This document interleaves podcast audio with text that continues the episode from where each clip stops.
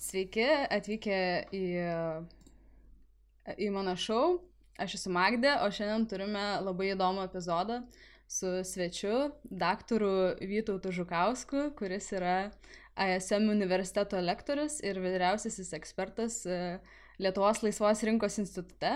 Tai tikiuosi, kad gerai jūs apibūdinau, pristačiau.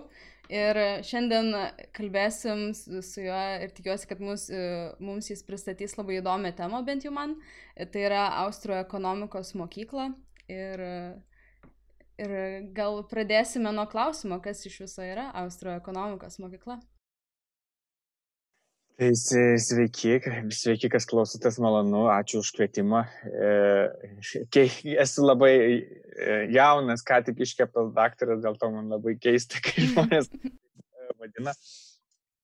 Iš ties pristatymas buvo, buvo, buvo teisingas, ta prasme, kad aš esu ekonomistas. Mano, mano doktorantūra yra e, nu, socialinių mokslų plačiau, bet iš tikrųjų ekonomikos ir, ir dar konkrečiau pinigų politikos ir bankininkystės. Tai ir mes, nu, ne veltui kalbam apie Austrų ekonomikos e, mokyklą, dėl to, kad, nu, iš tikrųjų mano pastarojo dešimties metų domėjimasis buvo grinai, nu, ne tiek tik grinai, aišku, visą laiką žiūriu aplinkui, bet buvau tikrai susidomėjęs, vis dar esu susidomėjęs Austrų ekonomikos mokykla. Dabar geras klausimas, o kasgi tai yra ta Austrų ekonomikos mokykla? Ir čia toksai burietų žmonių, kurie domisi, tai yra toksai dažnas kelias, kad, nu, Austrijos ekonomikos mokykla tai apie Austriją. Tai taip, aišku, nėra. Mes žinom, kad ypatingai, net ir fiziniuose moksluose, bet ypatingai socialiniuose moksluose yra vadinamos mokyklos. Nes tie, to, tie socialiniai mokslai paprastai sakoma, nu, ne, jie tokie yra išsiskaidę, ta prasme, kad yra labai daug požiūrį į bet, į bet, į bet kokį dalyką. Tai ypatingai, pavyzdžiui, ekonomikoje, tai tam yra būdinga. Yra įvairios skirtingos mokyklos ir aišku kažkoks tas vadinamas e, vedančioji kryptis, tas mainstreamas vadinamas, bet yra aplinkui išsidėšiusios e, e, pozicijos arba tokios nu, minčių kryptis arba teorijos, kurios kiek kitaip žiūri į tuos pačius ekonomikos teorijos ar praktikos e, objektus. Tai labai trumpai Austrijos ekonomika yra, Austrijos ekonomikos mokykla yra ekonominės minties mokykla. Ir jinai yra gan tokia periferinė, ta prasme, kad nėra labai daug ekonomistų, kurie ją domisi ar net žino daug apie ją, e, ar, ar, ar net išpažįsta, galima sakyti, arba pritarė jos, e, pritarė jos mintims. Tai, na, šaknis Austrų ekonomikos mokyklos, aišku, buvo, mm, aišku, buvo Austrija, iš to jis ir kilo. Vieno, tuomet, tuomet, tuomet, kai viena dar buvo toksai labai intelektinis e, centras e, visako. Ir aišku, aš dar pridursiu tai, kad aš netu, nesu ekonominės minties istorijos, dėl to, dėl to taip labai detaliai nepapasakosiu, galbūt galėsiu detaliau papasakoti iš teorinės pusės. Bet iš esmės jinai, jinai gimė, jinai gimė na, XIX amžiaus pabaigoje ir tokie, nu, pradininkai jos galima, būt, galima būtų sakyti yra tokie žmonės, kur mažai kam ką jie sakys. Tai yra Mengeris ir Bumbaverkas buvo tokie pradininkai Paskui 20-am amžiuje jie labai toliau vystė ir vienas pagrindinių tokių ekonomistų Austrijos ekonomikos mokyklos yra Liudvikas von Misesas. E, tai kas žino kažką apie Austrijos ekonomikos mokyklą, tai žino yra, yra tas ta jo opus magnus, ta, ta Biblija Austrijos ekonomikos mokyklos vadinasi Human Action arba žmogiškoji veikla. Nėra išversta lietuvių kalbą. Paskui E, toksai dar vienas, toksai nu, e, labai daug parašęs žmogus irgi labai išdidus Austrų ekonomikos mokyklos yra Rothbardas, kuris jau, e, kuris jau buvo Amerik, e, Amerikoje, e, Amerikos mokslininkas, galim sakyti. Žinomiausias Austrų ekonomikos mokyklos veikėjas ir tikrai, kas, kas domisi, ži, ži, žinosit, tai yra Hayekas. Hayekas, kuris net nebarė premiją yra gavęs, tai ta prasme jisai labiausiai žinomas ir pripažintas e, ekonomistas, kuris yra, galima jį priskirti Austrų ekonomikos mokyklos krypčiai. Įvairių ten yra ginčių, kiti sako, kad jis ten ne per daug grinas buvo, nu čia žinot, tai visą laiką yra kaip kažkoks atskalūnas, tai visi sako, ar jau tu čia tas griniausias atskalūnas, ar, ar ne, yra tie, tie ginčiai tarp mažiukų visą laiką. Bet, žodžiu, Hayekas yra, yra žinomas ir tikrai nupripažintas, vat, ne to mainstreamo Ir aišku, ta mokykla toliau tęsiasi. Dabar tokių vardų, kurie galbūt e, irgi labiau žinomi, yra Salerno, yra, yra Gido Hilismanas, kuris yra mano daktarinio vienas iš, e, vienas iš vadovų. Tai, žodžiu, tai čia tokios, tokios tokie veikia, o šaknis ir, ir žmonės, nu, o kryptis tai yra, e, na kaip, kryptis yra e, laisvos rinkos principų ir laisvos e, verslininkystės principų e, propagavimas. Tai reiškia laisvos, laisvos verslininkystės sistema. E, kuri, nu, taip jau paprastai, jeigu jau ten bandot atsiriboti nuo visų po, po, politiškai, tai sako, kad e, geriausia ir efektyviausia ekonominė sistema ir ta, kuri ne tik tai ekonomiškai efektyviausia, bet ta, kuri labiausiai atspindi laisvę. Ir va čia vėlgi susi, susikerta tos dvi paprastai mokslė kategorijos yra, e, yra tas normatyvinis ir pozityvinė visi, visa ta skirtis, skirtis humo. Tai Austro ekonomikos mokyklos atstovai sako, kad tai, kad kad e, laisva verslininkystė ir laisva rinka veda ne tik tai prie geriausio išteklių pasiskirstimo, E, nu, kurias, kas yra labiau toksai pozityvinio tipo e, teiginys apie tai, kad nu, mes visi turim daugiau gerybių, kurias galim vartoti, bet šalia to, e, kad jisai, jinai yra vienintelė ekonominė sistema ir politinė, galim sakyti, nu, socialinė sistema, kuri suderinama su žmogaus laisvė ir su, su žmogaus prigimtimi siekti laisvės. Net tai tada atsiranda ta visa normatyvinė dimensija šalia to. Tai, tai va, ir aišku, tada galėsim diskutuoti, ką tai detaliau reiškia, ką tai reiškia santykyje e, laisvos ir ekonomikos ir valdžios, kiek yra valdžios tame, tame, tome, toje samprotoje. Tai galima apie tai šnekėti ir aišku, iš čia jau matosi, kad Austro ekonomikos mokykla tikriausiai labiausiai kritiška e, mokykla valdžios atžvilgių. Ir yra visokių ekonomistų ir vieni tokie yra labiau nusaikus, pats Misesas, tas jau pagrindinis mm. tos mokyklos jisai buvo minarchistas, jisai sako iš esmės, kad valstybė, valdžios ir valstybės institucijų reikia tam, kad būtų e, apginta nusavybės teisė. Kitaip sakant, ten, kur negali veikti laisva rinka, yra ten, kur laisvos rinkos principų nebėra vadovavimas, jo laisva rinka paremta nusavybės teisės dalyku. Kitaip sakant, kad nu, to, tokie dalykai kaip nu, vagystė, kažkokie žmogžudystės ir panašus dalykai, jie negali būti tvarkoma laisvos rinkos, nes jie užeina už rinkos principų. O, o rinkos pats principas pagrindinis yra laisvų mainų principas. Kitaip sakant, kad aš turiu teisę daryti su savo turtu, e, ką noriu ir kurti bet kokį verslą, ką noriu ir siūlyti savo sukūrimas prekes ir paslaugas kitiems ir darbą savo kitiems ir kiti visi yra visiškai laisvi ar tai pirkti, ar pirkti tuos dalykus ar ne. Ir tai yra ta laisvos verslininkystės rinkoje e, tas pagrindinis principas, kuris ir veda prie nu, tos žmogiškosios, galima sakyti, E, nu, kaip čia pasakyti, nu, išsiskleidimo žmo, e, e, žmogiš, žmo, žmogiškosios prigimties, ta prasme, kad, kad mes pasidarom tada tokie, kuriem norime kuo labiau patenkinti kitų žmonių poreikius, ne tik, tik tai tenkindami kitų žmonių poreikius, mes galime patenkinti savo poreikius, nes jeigu tu nori kažką parduoti rinkoje, tai tu turi galvoti apie kitus žmonės. Ne? Tai tu turi galvoti, ko jiems reikia ir panašiai. Ir tik tai per tai galvodamas, tu gali gauti kažkokias tai pajamas iš jų. Tai čia labai toks vat, trumpas e, durys į šitą, e, šitą problematiką. Jeigu kažkokiu klausimu tikrai galėsim toliau padiskutuoti detaliau, nes čia yra labai labai ir labai daug ir, ir tikrai aštrių klausimų. Mm. Man tai aš, kadangi esu šiek tiek specializuojusi į viduramžių istoriją, tai yra labai įdomus reikalas e, su Rofbardo straipsniais apie Salamankos mokyklos e, pradininkyje tos laisvosios rinkos ir ir jo, ir man tas labai įdomus dalykas, kad tai nėra tiesiog iš XIX amžiaus, tai tradicija yra gan, ganėtinai sena kažkokia, arba bent jau vedama iš to dalyko. A, ir dar, plis, dar norėjau pasakyti, kad šiaip Mengeris, man atrodo, jis mokėsi jo gailaičių universitete, tai kažkaip labai arti pasirodo.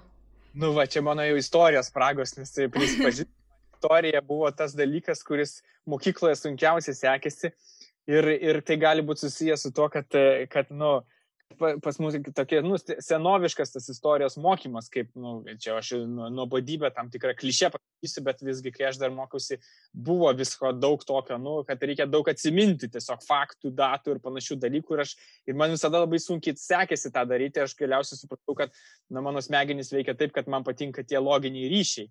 Ir aišku, tai yra didelė problema, kai istorija nėra mokama kaip loginių ryšių sistema. Bet, bet e, tokiam kontekste, kai jinai nebuvo tokia mokama, man buvo sunku, nes mano, mano atmintis yra prastoji mano smegenų dalis, o mano geroji smegenų dalis yra tų ryšių ir sisteminių ryšių samprata. Dėl to man ekonomika ir ypatingai paaiškinsiu, galėsiu vėliau apie metodiką pašnekėti. E, Austo ekonomikos mokykla kaip tik labai akcentuoja, jinai, jinai pavyzdžiui, nuo Čikago e, mokyklos, kuri irgi gan, gan, gan nu, Miltonas Friedmanas kurie irgi yra tokie laisvarinkiečiai ir pakankamai aršus laisvarinkiečiai, bet viena pagrindinių skirčių, aišku, yra skirčių ir kitų, bet viena iš labai svarbių skirčių yra metodikos e, skirtis. Ir Austrų ekonomikos mokykla, galėsim padiskutuoti, jinai žiūri save visai kitaip metodologiškai. Jinai ekonomiką žiūri labiau kaip į loginį mokslą, kaip į, į mokslą, kuris artimesnis gal yra logikai ar matematikai, tiesą pasakius, mm mokslą, kuris grįstas grinai empirika ir empirinių ryšių nagrinėjimu. Tai, tai, žodžiu, tai čia yra tokia labai svarbi skirtis ir jinai yra tikrai, tikrai įdomi. Mm. Ne, aš, aš tik pritarsiu Jums, kad aš irgi pastebėjau, nes aš irgi užaugau tokioj pačioj sistemoje kaip ir jūs, kaip reikia istorijos egzaminui ruoštis ir kalti visokiausias datas ir taip toliau, tai čia jūs ne vienas, tiesiog reikia išmokti atrasti tas. Tai čia nais yra toks labiau gal patyrimo dalykas. Aš tiesiog sugrįšiu prie tos Čikagos mokyklos. Dėl ko aš jūsų klausiau irgi iš anksčiau apie Čikagos mokyklą, Tai tas, kad mums labai įdomu yra, kad uh, kartais per paskaitas, jeigu pamini Čikagos mokyklą, tai juos įvardyja socialiniais darvinistais. Tai man yra įdomu, tai jeigu, pavyzdžiui, Austro ekonomistai yra dar kažkiek radikalesni šio požiūriu, tai kaip į juos reikėtų žiūrėti, nes, na, dažniausiai, ką pasakysiu, tai kad uh, austrų ekonomistų iš esmės istorikai beveik nepažįsta. Nu, nebent jau yra jie tokie daugiau su filosofijoje susiję iš naujų amžių, tikriausiai su Amerikos istorija, tai gal tada jau daugiau žinos, bet iš ekonominės pusės tai kažkaip labai mažai. Gal net nežinau, ar iš jūs pažįstu tokių. E, čia e, keletą temų paminėt. Jo, tai kalbant apie tą pažinimą, nepažinimą, yra tokios, nu, tas nepažinimo kartas tokių dviejų ašmenų, ta prasme, kad aišku, kaip, kaip, iš, kaip atskiros E, ekonominės minties krypties, tai retai kas pasakys tos autorius, ypatingai, nu, va, tų pagrindinių Austrijos mokyklą, ką, ką jinai sako, kuo jinai skiriasi nuo tos Čikagos ir panašiai, tai retai kas pasakys, bet kita vertus, kai aš stebiu ir man tenka, teka, nu, va, tai aš e, dirbu institutė laisvos rinkos ir man teka tikrai nemažai tiek klausytis, tiek dalyvauti politinio pobūdžio diskusijos, ekonominės politikos, nu, bet kokiais socialiniais klausimais, ekonominiais klausimais, ką daryti su mokesčiais valstybės biudžetų, su reguliavimu, visais tais dalykais. Tai tu negali sakyti, kad, kad nėra žmonių pažinimo e, tų pagrindinių takoskirų dėl to, kad jos visos yra ore. Nu, jos gal nėra moksliniam lygmenyje, bet kai tu atsiverti, nu, pamatai kokį nors, atsijungi televizorių ar dabar YouTube'e viskas yra ir tu žiūri, kokiais argumentais viena pusė grindžia kažkokio mokesčio didinimo ar mažinimo poreikį, o kita pusė grindžia to, kad reikia, na, valstybė prisijimti dar papildomų atsakomybių ten socialinės politikos rytyje ir panašiai. Tai tie, ta, tos diskusijos, tie argumentai yra tokie, kad visi turi, nu, visi turi supratimą apie, nu, apie bent kažkokius tai nu, nubanalinto lygio galbūt tos argumentus, bet jie visi yra ten. Ir tai yra ta pati dis diskusija, e, kuri vyksta vat, kasdieną, kai, ne kasdieną, bet gal kai, kai rinkimai vyksta ir panašiai. Tai taip, visą laiką yra tos dvi pusės ir, ir jos yra, nu, ir jos netgi išsiverčia į į, į, į, nu, į, į, į, par, į, partinius skirtumus. Ten, pas, jeigu sakysi socialdemokratai, tai jie labiau vadovausis pagal savo prigimtį ir pagal savo pasižiūrėję, pasaulyje žiūrė labiau tom, tomis ekonominės minties mokyklomis, kurios nu, kiek kritiškai žiūri į rinkos ekonomiką. Nu, tai ten bus Keynesas, pavyzdžiui, ir, ir, ir panašus veikėjai. Ne? Kai mes judam labiau link tos nu, dešinės, nu, aišku, čia ir vėl painiava ką vadinti de dešinę, nu, bet, pavyzdžiui, konservatyvios labiau minties, kurie, nu, bent jau, vat, ekonominės politikos klausimais konservatoriai, nu, bent jau klasikinė prasme yra tokie, nu, tokie link laisvos rinkos labiau, mm, tai ten jau bus tos ekonominės minties mokyklos, kurios yra labiau, labiau už laisvą rinką. Ne? Jeigu mes judam jau ties liberalais, nu bent jau ties ties liberalais, ta, e, ta klasikinė prasme liberalais, nes Amerikoje liberalas ką negu Europoje liberalas, bet tų klasikinių požiūrių Tai vėlgi jie bus tie, kurie labiau jau bus pasiskaitę ten, nu, vat, Miseso kažkokia bus, ne Miseso, bet, nu, vat, Miltono, Friedmano bus paskaitę, Hayeko gal bus paskaitę, nu, tie, kurie jau rimtai žiūri savo pažiūras. Tai tas, tai tas, ne, to, tas nebuvimas mokslinėme lygmenyje, tų diskusijų ir autorių net pažinimas, man atrodo, dar nereiškia, kad žmonėse nėra atgarsių tų, tų argumentų, nes jie visada yra to, to, tose, tose diskusijose, tik tai gal žmonės net net pažįsta, kur iš kur tie argumentai yra. Tai čia tas, tas pirmoji dalis įsiklaus. Antroji dabar, tai koks skirtumas yra tarp tų, tarp tų austrų ir tarp to, ir, ir tarp tos Friedmano. Tai, na, viena vertus galima būtų sakyti, kad e, yra tai, kad Austrai dar labiau radikalus. Jeigu jau, jau kažkieno manom, kad, kad Friedmanas jau buvo radikalus, tai Austrai kartais ir patį Friedmaną pa, pa, pakritikuotų, pavyzdžiui, tokiais ir tie kaip pinigai. Ne? Nes e, Friedmanas e, sakytų, kad taip, laisva rinka yra ta sistema, kuri geriausiai ats, e, nu, leidžia atsiskeisti nu, tam žmogiškajam progresui ir geriausiai atneša geriausią žmonių pragyvenimo lygį ir patenkina žmonių poreikius, išskyrus tam tikras rytis. Ir viena iš tų sričių, kuris jau ne, neleistų laisvai rinkai veikti, tai būtų pinigai.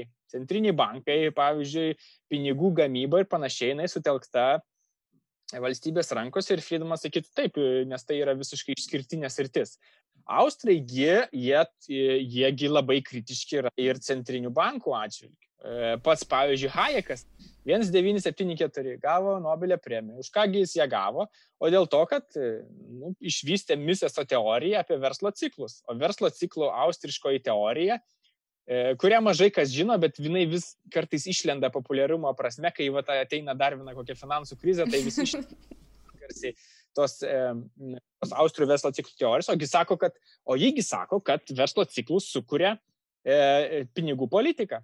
Mm, pinigų politika, kai yra e, nužeminimos labai stipriai palūkanų normos, jos dirbtinai nu, nu, nu, nužeminimos, tada žmonės pradeda labai daug vartoti, mažai taupyti, įmonės pradeda investuoti, pasidaro toks ekonomikos pakilimas bet tos dirbtinai sumažintos palūkanos neatspindi to tikrojo išteklių pasiskirstimo ekonomikoje ir ta pozicija, kad visi žmonės ir vartoja daug, ir investuoja, jinai tiesiog yra netvari.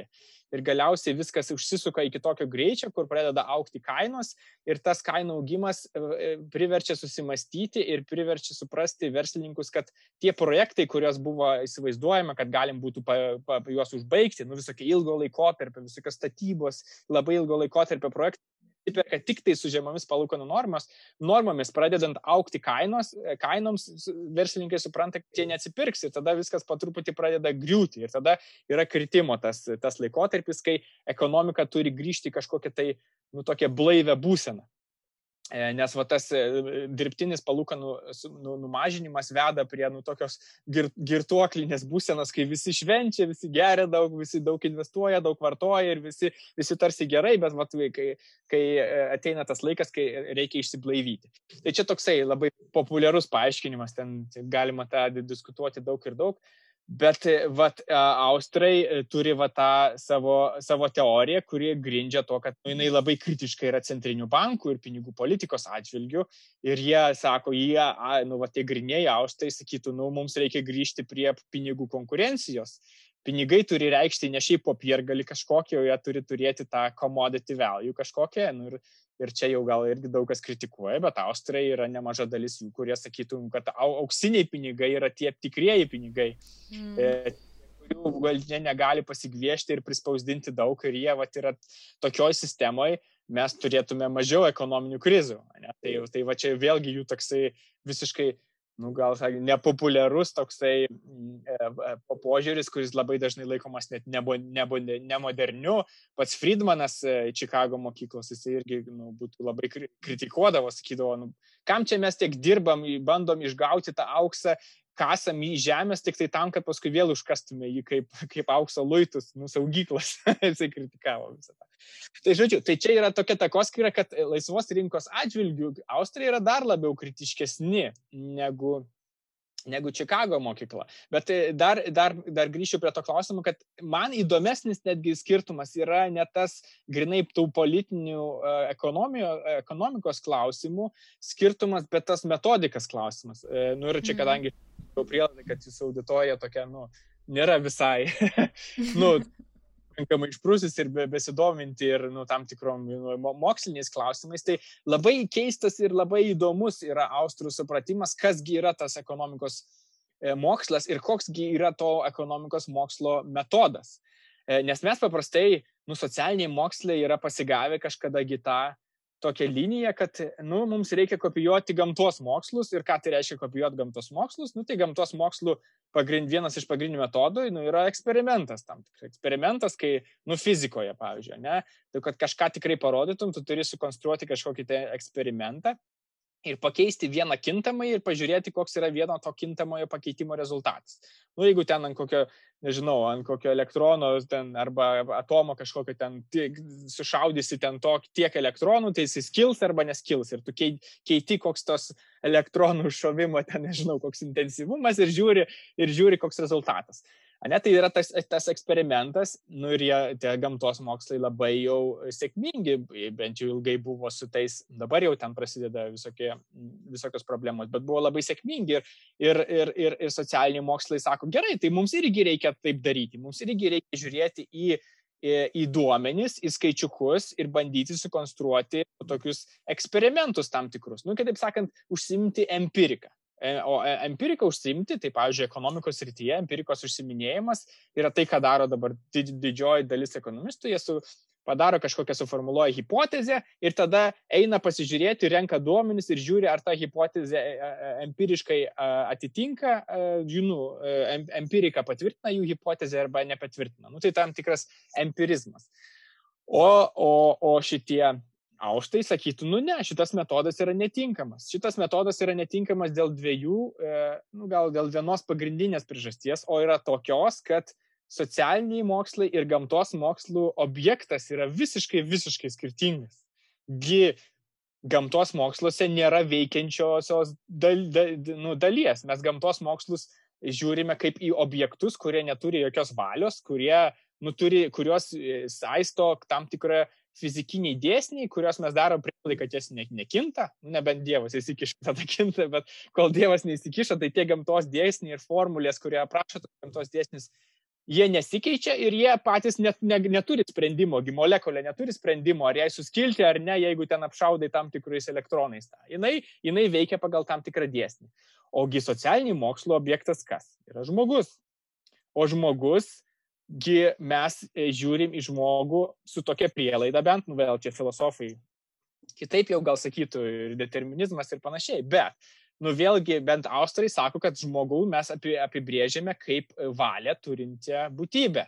O ką reiškia turėti valią? O tai reiškia, turėti valią reiškia galimybę pasirinkti skirtingus dalykus esant tom pačiom aplinkybėm.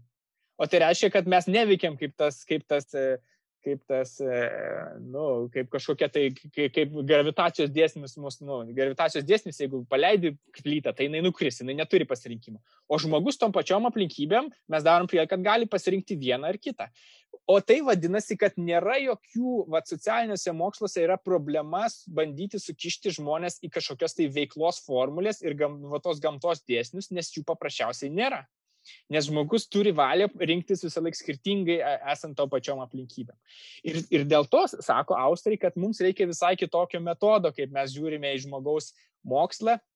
Ir čia jau prasideda ten tie moksliniai visi dalykai. Misesas tai vadina praksiologija, o praksiologija tai yra tiesiog toksai samprata apie žmogų, kad žmogus yra, pradinė jos prielaida, kad žmogus yra veikiančioji būtybė. O veikiančioji būtybė būti reiškia turėti savo tikslus, ir priemonė savo tikslams pasiekti. Tai yra pirminė tokia aksijoma, kad žmogus yra veikimas, reiškia, kad žmogus gali išsikelti tikslą, o kad išsikeltum tikslą, tai aišku, turi sam, turėti sampratą, pavyzdžiui, apie, prie, apie, apie ateitį, nes tikslas visą laiką yra apie ateitį. Taip? Tai tikslas kad žmogus jau gali suvokti ateitį, jisai gali suvokti, kad ta ateitis gali būti įvairi ir jis gali va, tą išsikelti skirtingus tikslus ateityje ir tada jis dar turi turėti sampratą apie priemonės. O tai reiškia, kad jisai sako, kad e, ir jisai turi sampratą apie priemonės ir, ir, ir turėti galimybę identifikuoti, kurios priemonės yra geresnės jų tikslų pasiekimui. Ne, tai yra tas, tas, tas, tas, tas toks tiltas tarp tikslų ir, ir tai yra pirmoji va ta Austro ekonomikos mokyklos aksijoma, nuo kurios kildinami, kildinami visi kiti ekonomikos mokslo, e, ekonomikos mokslo dėsniai. Nu, pavyzdžiui, vertė su to susijusi. E, vertė susijusi su to dėl, dėl to, kad mes vertiname tam tikrus dalykus, dėl to, kad jie yra e, galima naudoti juos pasiekiant mū, mū, e, tų tikslų, kuriuos mes vertinam. Juk daiktą mes vertinam kodėl? Dėl to, kad jisai atitinka tam tikrą funkciją ir vadinasi, jisai vertingas ne pats savaime, bet tik tai jo sąsaja su žmogaus tikslu ta pati knyga, va čia, pavyzdžiui, aš turiu finansų knygą, vienam žmogui ta knyga gali būti verta nulio, nes jisai skaito angliškai, čia, pavyzdžiui, angliška knyga ir jam visiškai nevertinga ta knyga, bus asmeniškai, ne? O, pavyzdžiui, man, kuris domisi šitą sritim, ir, ir skaitau angliškai, o aš neseniai už, nežinau, gal už 15 ar 20 eurų pirkau tą knygą. Tai vadinasi, e, vert, e, e, daiktų vertė yra ne, pa, ne pačiose fizikiniuose dalykuose, o žmogaus sąsojoje su tuo daiktu. Vienam žmogui, tai vadinasi, vertė nėra daiktas, o, o tai kokiu, kokius žmogus tikslus su ta vertė sieja. Tai čia jau yra visai koks, kito, kiek, kit, koks, truputį kiek koks kitoks galvojimas apie, apie va, tos ekonomikos ir, ir Austrai sakytų ne tik ekonomikos, visų socialinių mokslų dėsnius, negu, negu gamto, gamto, nu, va, toks gam, gamta mokslinis, kur iš esmės yra eksperimentai, empirika ir formulės, kurios aprašo tos dėsnius.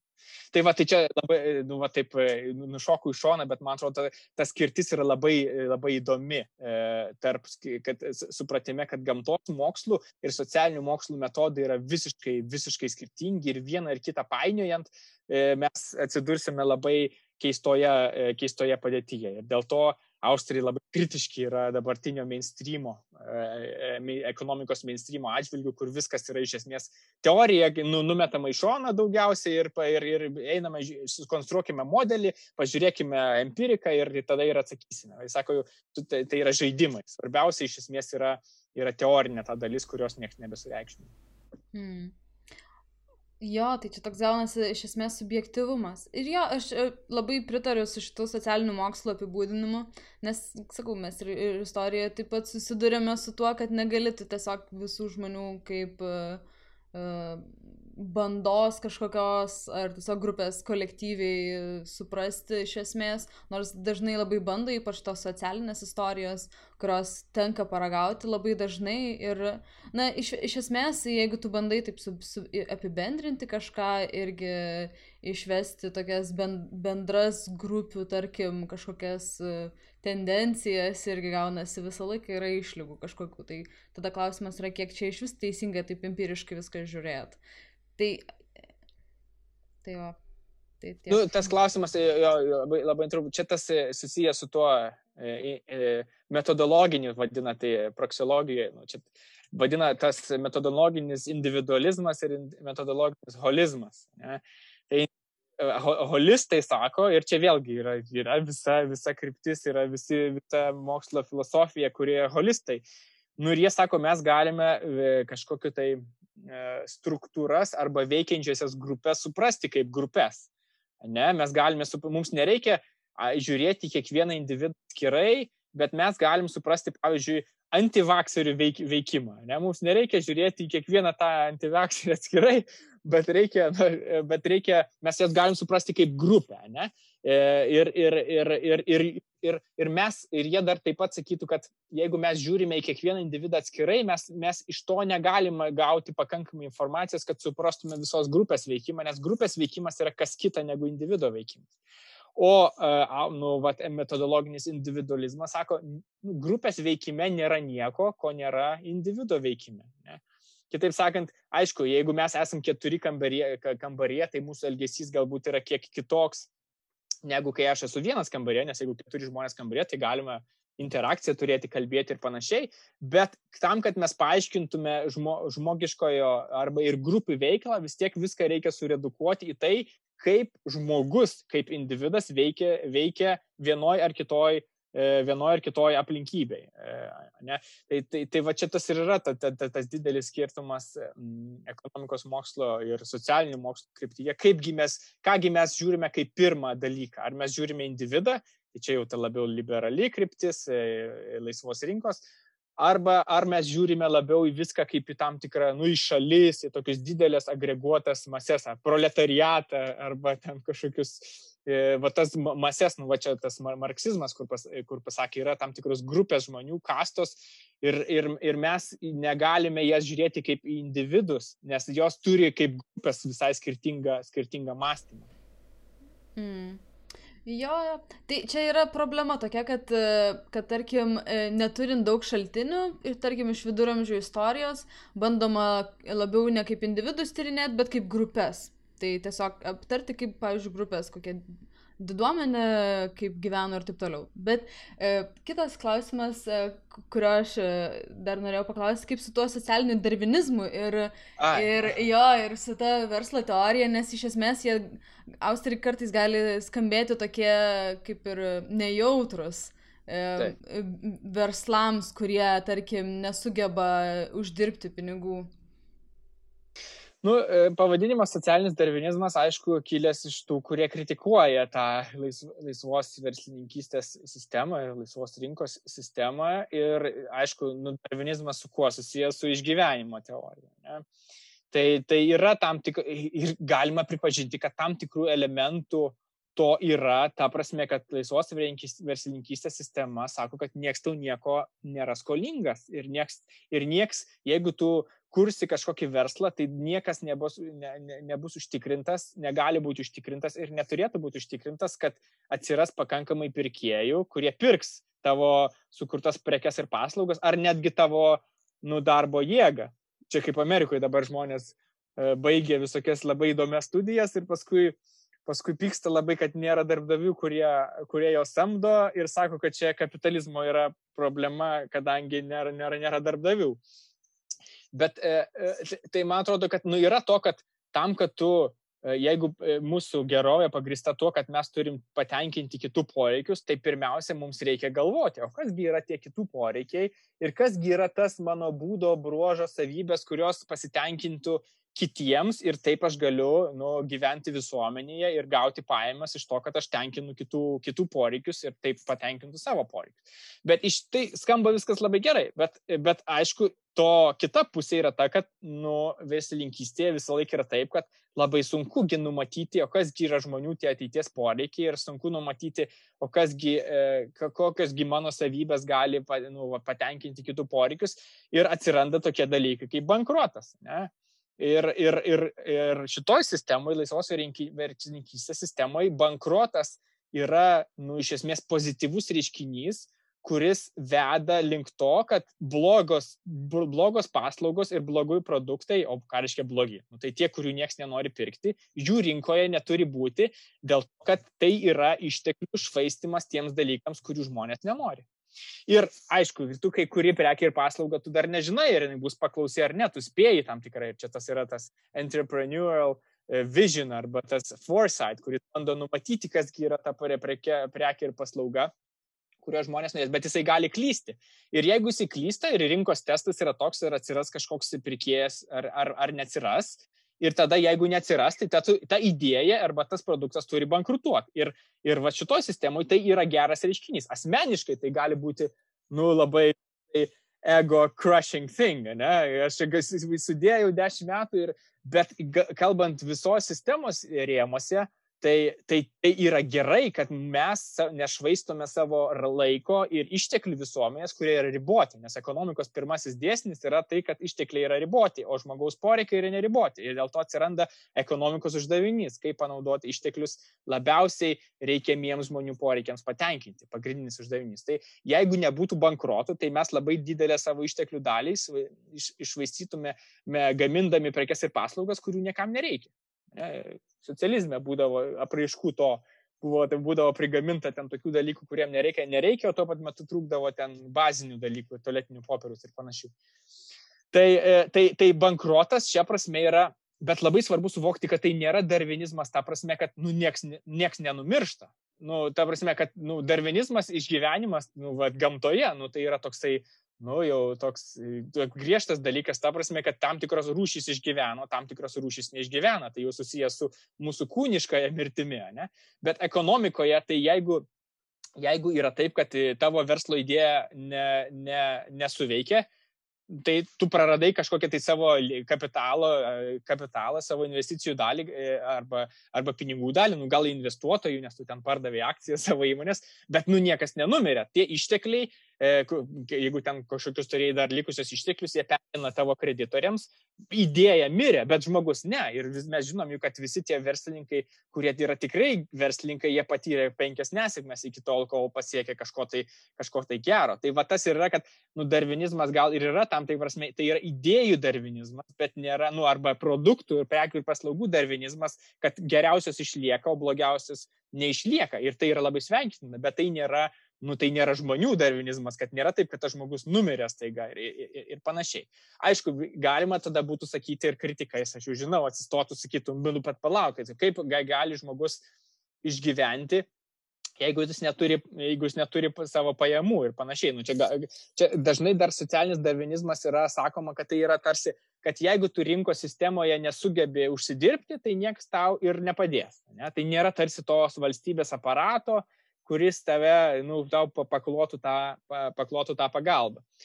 Tai austrai arba skaitai laisvarinkiečiai sakytų, na taip, nėra išvystyta kažkokia socialinė sistema, kuri, turi, kuri gaudo visus į pagalbę, bet, tai nere, bet rinkos sistema juk visiškai nereiškia, kad nėra jokių e, ne, e, pagalbos, sistemos, e, pagalbos sistemos, kuri neparemta komercija. Ką aš turiu menį?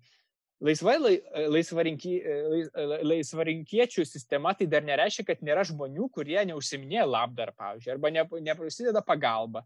Nes, nu, pavyzdžiui, pa, pa, pirmieji tie, kurie kurie buvo e, istorijos laikotarpiu, tie pirmosios tos institucijos, kurios padėjo tiems žmonėms, kurie buvo, kurie buvo sergantis arba kurie buvo neįgalus. Taigi nebuvo valstybės sistemos, tai buvo visiškai laisva, laisva, nu, laisvanoriškai įkurtos institucijos, ar tai būtų bažnyčia, ar kiti kažkokie mecenatai, kurie, kurie ir savo, e, savo lėšomis nu, e, dėdavo m, pastangas padėti tiems žmonėms, kuriems reikia pagalbos. Tai tai man atrodo, kad labai dažnai tas e, pasakymas socialinis darvinizmas rinkoje yra sakoma, kad nu, jeigu nėra valstybės, tai ne, nėra jokių mechanizmų, kaip žmonėms, kaip žmonėms suteikti pagalbą. Nu, jeigu tu bankrutavai, arba tu nebeturi pinigų, arba tu susirgai ir, ir nebet kur. Tai, bet, tai, tai, bet rinkoje juk taip nėra. Nu, yra, yra artimieji, yra platesnis, yra bendruomenė, yra žmonės, kurie įkūrė įvairius paramos labdaros fondus. E, ir, ir, yra privačios organizacijos, kurių net ir dabar yra, tuomet, kai visas yra valstybinis socialinis aparatas, bet, bet dar yra ir privačios organizacijos, kurios, kurios padeda. Tai niekas nesako, kad rinkoje nėra pa, pa, pagalbos, kuri nėra paremta komercijos nu, kažkokiais tai rėmais. E, rinkoje visiškai yra labai daug vietos ir tai yra labai sveikintina. Ir laisvarinkiečiai visada sako, kad na, jeigu mes iš savo atlyginimo neturėtume sumokėti 40 procentų ar 50 procentų mokesčių, o tai ir yra ta maždaug mokesčių našta, kurią mes dabar mokame. Nu, jeigu pagal darbo sutartį tu susimokė apie 40 procentų, nu dar PVM paskui kaip perki, nu tai dar prisideda. Nu tai maždaug apie pusę savo mes pajamų sumokam valstybei, kad jinai, tai jeigu, nu, jeigu nereikėtų va, tos liūto dalies, o sodra, nu, va, socialinės paramos sistemos nu, sudaro nemažą dalį, nu, liūto dalį tą. Tai jeigu mes tuos pinigus turėtume privačiai, tai mūsų galimybės ir aukoti tiem žmonėms, e, kuriems reikia pinigų, būtų daug, e, daug didesnis. Nu ir čia dar paskutinis argumentas, sakoma, kad na, valstybinės sistemos e, paramos yra visada labai netaiklios, nes jos tokios yra labai agreguotos, suvalstybintos, o tuomet, kai parama yra privati, jinai yra daug labiau taiklesnė, nes tada nu, tu esi suinteresuotas padėti iš tikrųjų tiem žmonėms ir atrasti tuos žmonės, kuriems iš tikrųjų paramos reikia ir, ir, ne, ir nešvaistyti tos paramos tiems, kurie galbūt piknaud, tiesiog piknaudžiauja sistemą. Ne? Nu, tai čia tas visas didelis anstatas, e, kurios suma sumarum, e, tas darvinizmas yra tik tai tiek, kiek rinkoje e, paslaugos, kurios yra nepaklausios, iš tikrųjų jos neišlieka, bet tai ekonomiškai yra gerai, o rinkoje yra visiškai atviri visi mechanizmai, kaip kaip šeima, bendruomenė arba privačios e, paramos ir labdaros organizacijos gali suteikti žmogui pagalbą tuomet, kai jos, kai jos reikia. Tai, tai nei Austrai, nei jokie kiti laisvarinkiečiai to neneigia visiškai. Mm. Jo, iš esmės dar ir darvinizmas susijęs ir su tuo, kad yra evoliucija. Tai irgi bet, tie patys žmonės. Jo, tai evoliucijos teorijas labai mažai dabar kas neigia ir iš esmės tai labai gerai. Dėl to ir atsirado mes dabar, kur esam, iš esmės. E, taip, taip, taip. Nors yra labai įdomus tas socialinio darvinizmo aspektas, kadangi e, kartais jis toks labai e, ant e, grupių eina Na, nu, čia irgi panašiai iš tos kairuoliškos pozicijos, kad, tarkim, kad pirmojo pasaulinio karo viena iš priežasčių buvo socialinis darvinizmas, kur Aha. E, pagal tautas eidavo. Tai kuri tauta stipresnė, tai ir išliks iš esmės. Ir tas e, toks nacionalizmas, irgi nacionalistinis darvinizmas labai eidavo šitų dalykų. Tai va, čia nais viena iš priežasčių, gal dėl to irgi istorikams kartais labai sunkiai skamba tas socialinis darvinizmas irgi iš, iš esmės išgazdina daug, daugumoje. Tai va. Kitas, e, koks aspektas aš norėjau paliesti, tai yra kaip su laisva rinka Lietuvoje yra. Nes aš e, matyt, jau sakiau jums, bet tiesiog e, kas įdomu buvo, kad aš jūs atradau ne per uh, Laisvosios rinkos institutą ar, ar tiesiog per lietuvišką mediją kažkodėl, bet aš atvirkščiai, aš per misijas organizaciją, misijas institutą pradėjau lab, daugiau domėtis šitais dalykais ir tada tiesiog e, viena, vieną paskaitą Rofbardo klausiausi, kada jis pasakojo apie lietuvių delegaciją atvykusią 90-aisiais metais į Misės institutą ir tenais pasakojo, kaip jie, pavyzdžiui, nekurs centrinio banko ar ten taip toliau ir tai aišku, Rofbardas su savo ikoniškų juokų, tenais labai katučių plojo dėl to, tai man labai smagu buvo. Ir tada aš galvojau, na, kai man kaip istorikai labai įdomu pasirodė, kas ten dalyvavo, tai va, ir atradau tą. Ir pranešimą iš lietuvio, kuris ten rusiškai kalbėjo, tai irgi įdomu ir tada ir jūs suradau. Ir tada buvau nustebus. Labai smagu pasirodė. Tai tiesiog įdomu pa, pažiūrėti, jūs tikriausiai daugiau domitės šitą šio, šio laikinę ekonominę politiką Lietuvos. Tai kiekgi tų ekonomikos austrų idėjų buvo įgyvendinta Lietuvoje iš esmės po nepriklausomybės atgavimo? Taip, ta istorija iš ties labai įdomi ir tai primena tais laikus, kai man tai tais, met, tai tais laikais buvo keturi metai, tai aš ne, nieko apie juos nežinau, tik tai, nu, tai, tik tai per tuos visus pasakojimus. Ir tai buvo tie laikai, kai, kai mes, nu, va, kad Lietuva tapo nepriklausoma ir tada atėjo klausimas, o kaipgi mums dabar organizuotis, nu, kokį čia mums ūkį dabar reikia turėti, visi žinojo, kad nebenorim, mes jau, nu, va, to, to Sovietų sąjungos ekonominės e, struktūros, kuri vadinasi, nu, tiesiog centrinis planavimas kažkok, kažkokio tai lygio, ten skirtingas tos satelitinės šalis, ten turėjo kai kur biški daugiau tos rinkos, ten Lenkijoje daugiau jas buvo, dėl to ten važiuodavo žmonės drabužių kažkokių nusipirkti, nes jų ten būdavo ar dar kažkur. Bet kitose šalyse buvo visiškai, bet na, apskritai visa socialinė ta ekonomika buvo nu, formuojama tos komandinės ekonomikos e, principais, o tai reiškia, kad nėra jokios rinkos, nėra laisvos verslininkystės, nesprendė tu, ką gaminti ar ne, sprendė, sprendžia centras. Tai mes, nu, buvo suprasta, kad nenorime tokioje sistemoje gyventi, nes labai prastai. E, ir, ir, ir, bet problema buvo kokia, kad žmonės nelabai suprato. Nu, jie sako, kad, nu, jie žinojo, kad priešingybė to yra kažkokia rinkos sistema. Bet kas ta rinkos sistema, tai niekas labai nežinojo, kaip jinai veikia arba nuo ko pradėti. Ir dėl to tos delegacijos ir buvo, jos važiavo į tą jau rinkos pažengusią sistemą, tai buvo Junktinės Amerikos valstijos, kitos šalės ir jos tiesiog ten važiavo pasižiūrėti ir tarsi jau atvežti į tą rinką, į, tą, į tą rinką į Lietuvą. Ir dėl to ir buvo tie susi, vykdomi susitikimai ir jie buvo nu, vykdomi Amerikoje su tokiais žmonėm, kurie ir nu, atstovavo tą, tą, tuo, tuo metu tas laisvos verslininkystės rinkos idėjas ir dėl to ir pakliuvo ten kažkaip tas Rodbardas ir Misos, Misoso institutas. Ten. Ir man iš tikrųjų irgi pasakoja apie tą vizitą, nes aš ten aš tą stažuotę darau. Nu, aš fellow buvau pusę metų, savo daktarą ten rašiau. Papasakojo ten ir netgi kažkokį dokumentą buvo atradę, man atrodo, Prunskienės buvo parašyta grinai misijos institutui, kaip jisai E, kaip jinai dėkoja už tą vizitą, ar kažkaip panašiai ten buvo. Tai labai įdomus buvo laikai. Bet aišku, e, kai pradedi tos dalykus įgyvendinti, tai prasideda įvairios e, problemos, nes viskas labai gražiai skamba teorijai. Teorijai labai gerai skamba tiek socializmas, tiek laisva rinka. Problema yra, yra, kai tu pradeda įgyvendinti tuos dalykus ir tada prasideda įvairūs, įvairūs susidūrimai su, su realybė. Tai man atrodo, kad buvo labai daug, e, nu, pradžioje buvo labai daug drąsos. E, ta pati Prunskienė, kaip aš suprantu, nu, jinai buvo ta, kuri sako, gerai, paleidžiam kainas, kas bus, tas bus. Nu, kitaip sakant, nebereguliuojam kainų ir atidarom turgus, atidarom prekybvietės ir kaip bus, tai bus. Nes anksčiau kainos buvo nustatytos e, centralizuotai.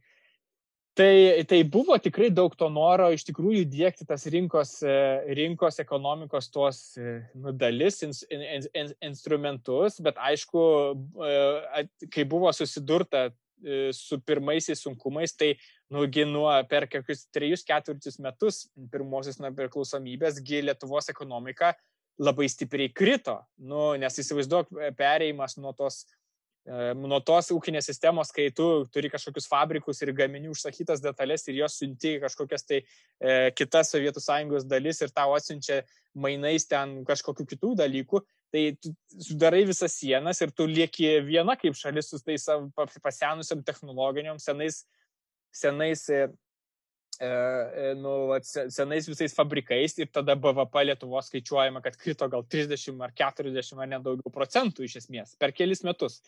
Tai, tai, tai yra milžiniškas šokas visai sistemai ir tada tu tuo pat metu dar bandai viską perreformuoti, dėkti kažkaip tą, tą, tą rinkos sistemą.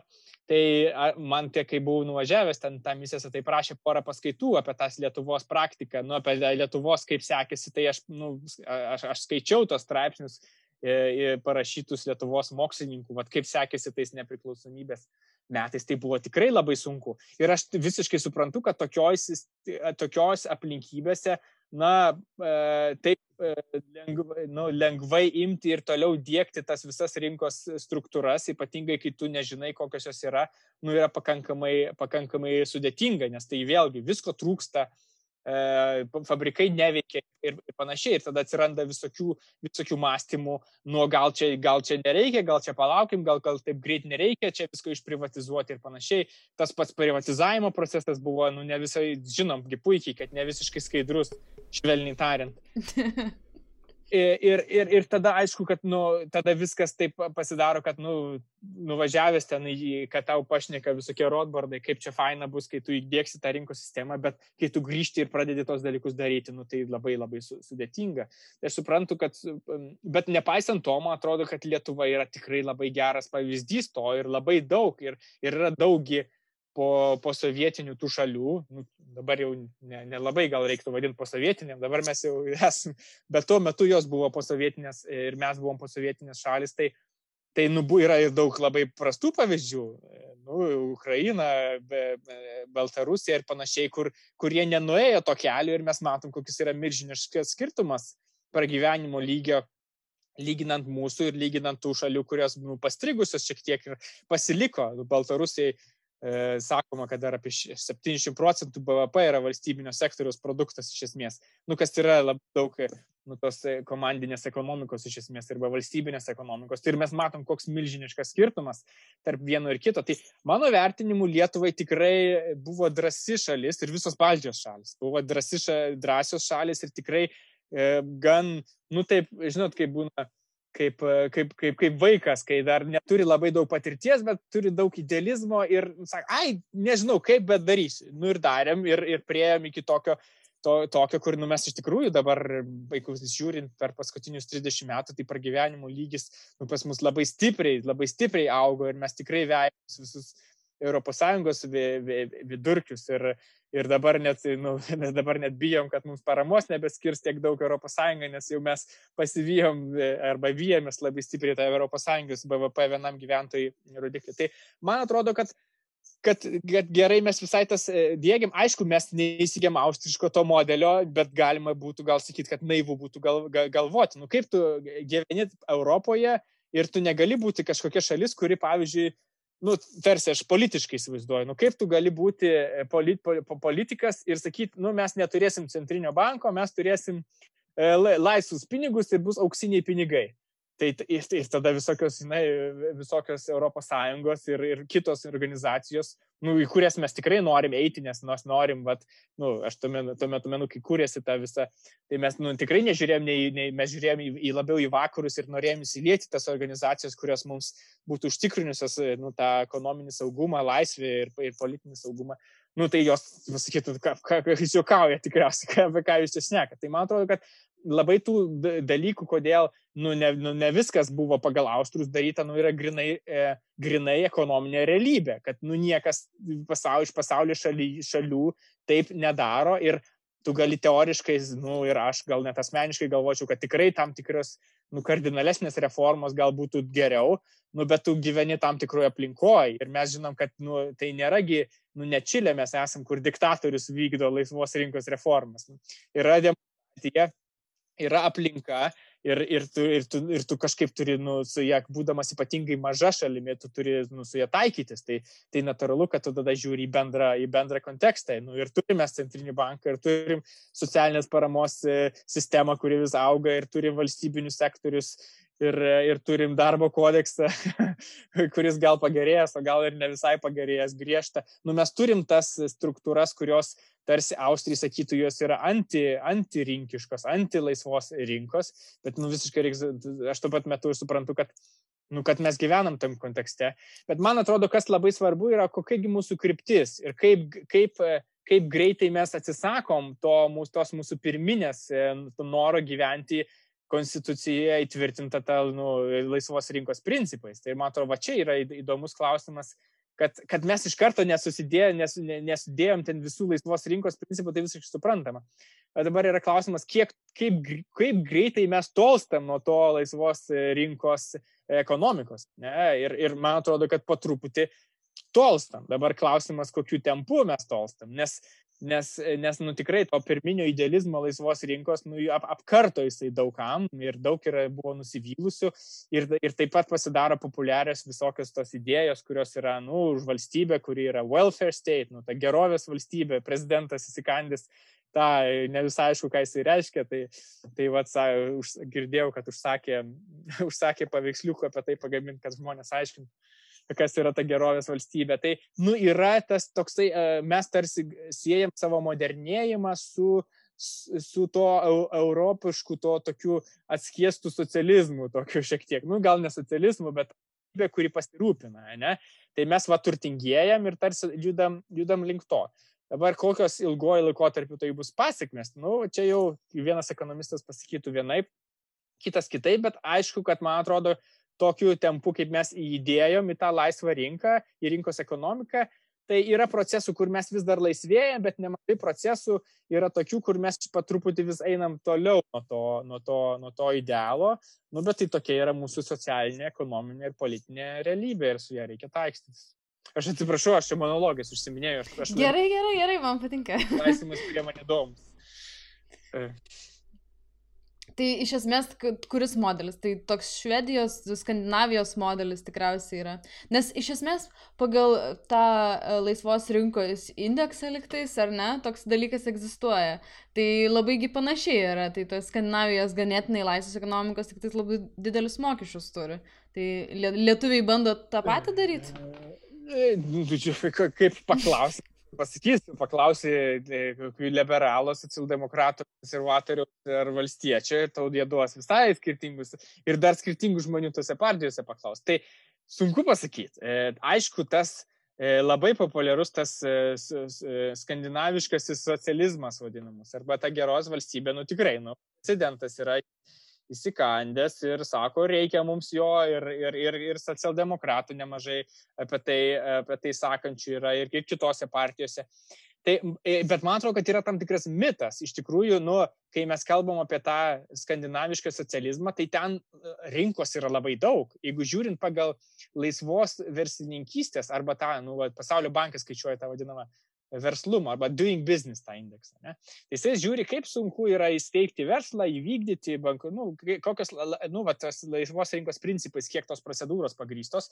Tai Skandinavija, Danija ypatingai pirmauja iš pasaulyje, kaip ten lengvai kurti verslą ir panašiai.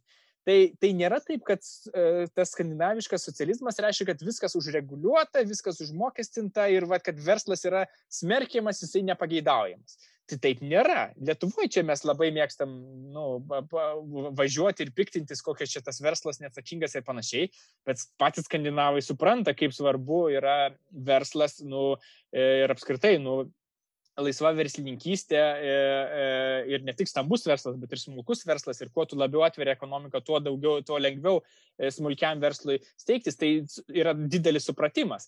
Kas yra iš tikrųjų Skandinavijoje, tai ten, kaip ir minėjot, yra yra mokesčiai, nu, mokesčiai ypatingai, nu, tai kalbant apie darbo jėgos mokesčius, nu, kiek, tiek, kokią dalį savo atlyginimo sumoki kaip, mo, kaip mokesčius, tai iš tikrųjų ten yra, bet mes irgi nelabai, tai nėra kažkoks kartais skirtumas. Nu gerai, pas juos ten kokie kem 5 procentai, pas mus 40 ar 39. Nu tai, tai nėra kažkoks milžiniškas labai skirtumas. Ir ten reikia pripažinti, kad, e, kad tikrai yra e, e, daug rimtesnė profsąjungų vieta nu, sprendimų prieimime ir nu, profsąjungos vaidina ekonomikoje didesnį vaidmenį ir darbo kodeksas yra pakankamai, pakankamai, pakankamai griežtas. Ne? Tai, tai taip, va tie elementai ten yra, bet kalbant apie tai, kiek, kokie, kaip lengva daryti verslą, nu taip, būtiškai tariant, arba, arba nėra ten kažkokių labai tokių griežtų suvaržymų ir panašiai, ten suprant, tai yra didelis supratimas, kad nu, jeigu mes norim geros ekonomikos, mums reikia turėti tą tokią, tą, tą atmosferą, kur žmonės nori imtis verslo, verslai kūrėsi, susibankrutuoja, kuri, kuri iš naujo ir kas yra viso to ekonomikos variklio ir netgi biudžeto pajamų šaltinis. Ne? Tai man atrodo, kad, kad mes norim to socialinio, to, to, to tokio valstybės gerovės modelio, bet mes norim kažkaip jį siejame tik tai su tom išmokom visokiom, nu, va, su to saugumo dalimi. Bet, bet su, kurgi gali ateiti saugumas? Jeigu visi nori gauti iš biudžeto, tai kas tada suneša tą biudžetą? Va, tas yra kertinis klausimas. Ir yra, man atrodo, Lietuvoje didelis nesupratimas, kad, nu, tam, kad tu turėtum tą socialinės gerovės valstybę, ar, ar kaip ten jinai be, be, be pavadintume ją, nu, tai turi būti labai stipri ekonomika, e, privatus sektorius, kuris suneša tas pajamas ir negali jo dusinti iki tiek ir sakyti, kad jūs esat, e, nu, tokie, kurie čia nevidonai visus pinigus susirenkat, mes jums va to užreguliuosim, apmokestinsim ir tada dar ant to gerovės valstybę pastatysim. Nu, kas tai yra iliuzija. Taip, taip, taip, niekada, taip niekada nebus. Tai man atrodo, nu, mes ne, ne, ne visiškai teisingai matom dažnai tos, tos dvi medalio pusės, kurios yra būtinos tam, kad mes turėtume nu, va, tą socialinės gerovės, gerovės valstybę. Ne? Ta gerovė iš kažkurgi turi ateiti. Mm.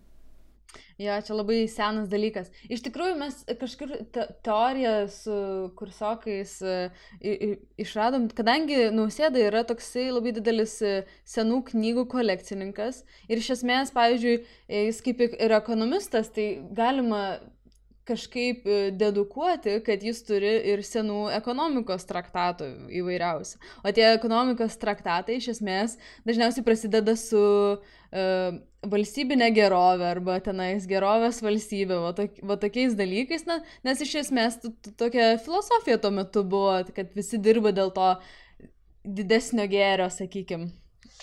Tai nu, žinot, tai, man atrodo, istorinius dalykus mes labai labai greit pamirštam. Ir grįžtant prie skandinaviškojo socializmo. Iš kodėl e, Skandinavijos šalis yra tokiam aukštam lygyje? Palyginti darbo užmokestį, palyginanti produktivumas, jisai yra daug aukštesnis. Kapitalo kiekis arba investicijų kiekis vienam gyventojui Skandinavijoje yra kartais didesnis negu Baltijos šalyse ir iš ten ateina jų tas galimybė surinkti didelį biudžetą jį paskirstyti.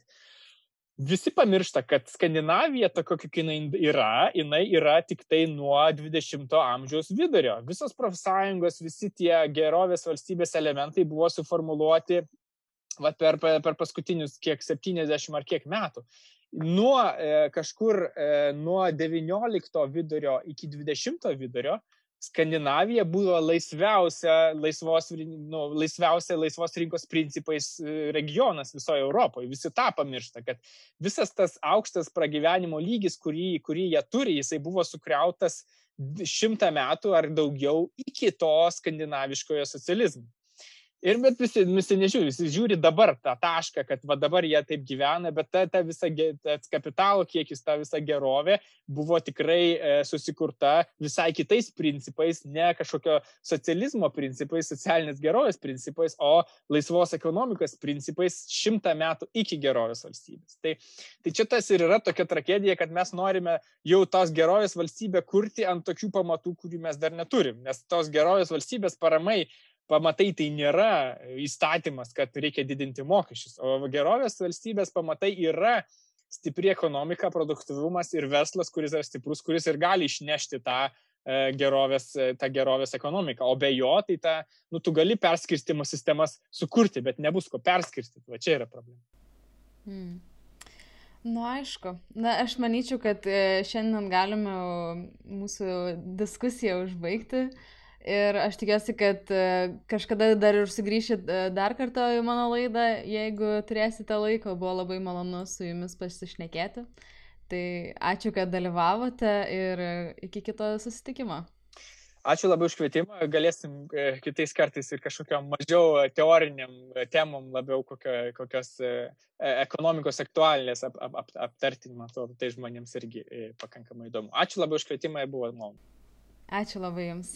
Tai, mėly klausytojai, irgi viso gero ir pasimatysime kitame epizode.